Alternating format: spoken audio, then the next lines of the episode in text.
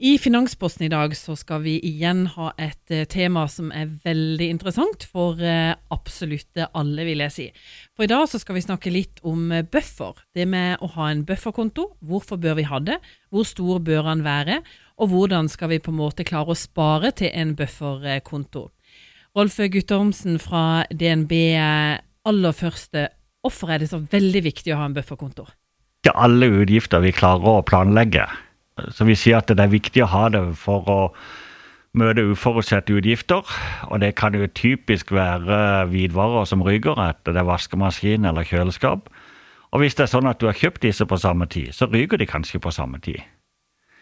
Eller så er det jo da tannlegeregninga som ble litt dyrere enn enn det du hadde tenkt. Så det er i hvert fall en del utgifter som ikke du klarer å planlegge. og Derfor sier vi bygg opp en bufferkapital, så du har til det. For ellers blir alternativet veldig ofte kredittkort og da ble det dyrt. Ja, for det var det jeg hadde tenkt å spørre deg om nå. Det blir vel ofte sånn at har man ikke den bufferkontoen, så blir det gjerne kredittkortet? Det gjør det, og det er jo det som er gjerne en dårlig løsning. Hva er det egentlig som påvirker hva vi bør ha i en buffer? Vi tenker jo at det har litt med livsfasen å gjøre. Og så tenker vi litt at jo eldre du blir, jo mer bør du ha i bufferkapital. Så vi har jo sett litt på altså en student som kanskje har det er vanskelig å spare opp, så har vi sagt men kanskje hvis du har 5000 som en student, så er det veldig bra, for da har du i hvert fall til det der som plutselig kom da. Altså, det kan være tannlegeregning, så kan det hende at det er foreldre med å bidra, men, men, for en student så er det greit å, å ha den. Og da tenker vi på en student som ikke har bolig? Som ikke har boliger. Og Så kan vi da se på altså Når du er ferdig med studentlivet og du får deg jobb, du har kanskje fått deg leilighet, Eh, så sier vi da at da er det gjerne eh, å ha litt mer. Og da sier vi eh, ja, mellom 10 000 og 15 000. For da er det jo sånn at du, du har skaffa deg noe, og så plutselig er det et eller annet som ryker. Og har du 10 000-15 000, ja, så kommer du litt på vei i forhold til det.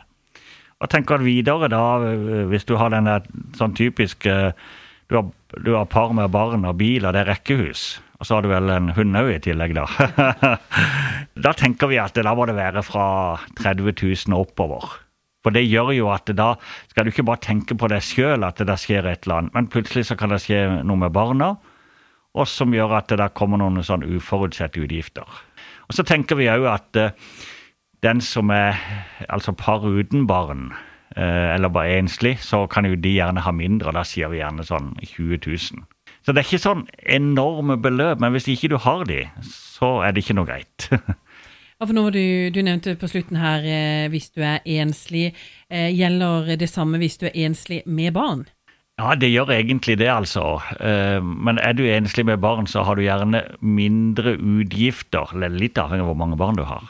Altså det er klart at Du kan jo være i den situasjonen at du var en familie med rekkehus og felles barn, og så, så blir det et brudd og som gjør at du fremdeles sitter med barna, og du sitter kanskje med en annen type leilighet.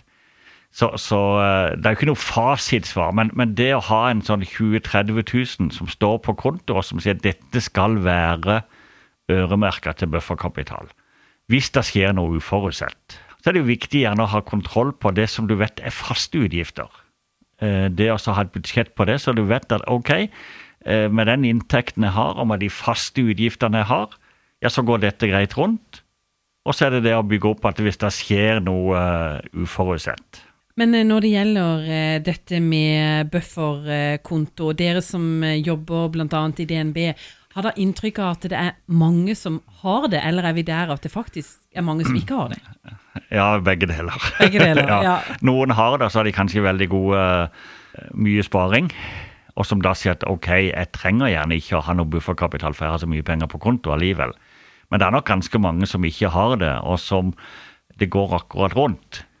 Eh, og så er det litt sånn skremmende i en tid som vi har lavt rentenivå, for da vet vi at de kundene som der kontoen er tom hver måned, skjer det noe, så er det kredittkort.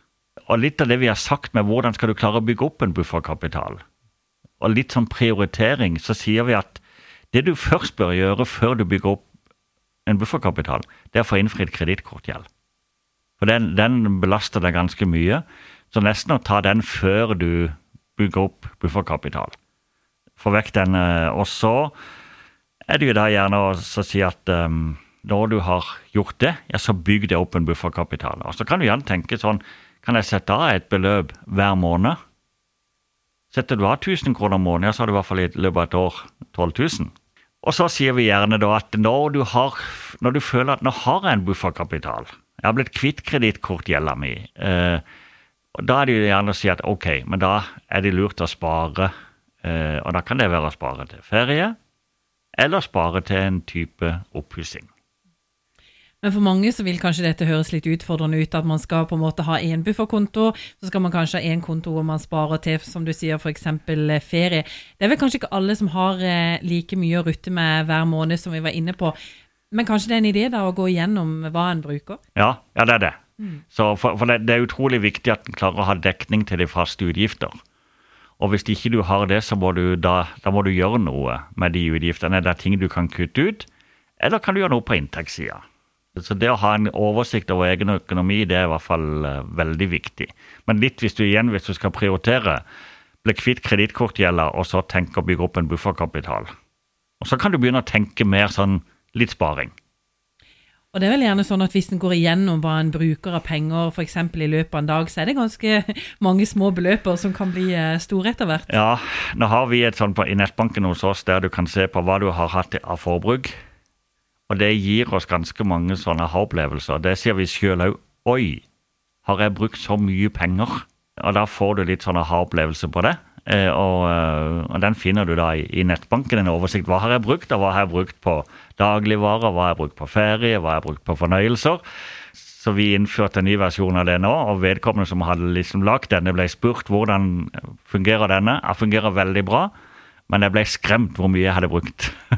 og det sånn, hadde ikke turt å gå inn der, nei, tror jeg. nei, men det, samtidig så er det en erkjennelse å si at dette, det, dette er brukt, kan jeg gjøre noe med dette? Ja, for det er jo noe med at eh, noen eh, kjøper en kopp kaffe hver dag, eller går og kjøper ja. lunsj hver dag. Ja.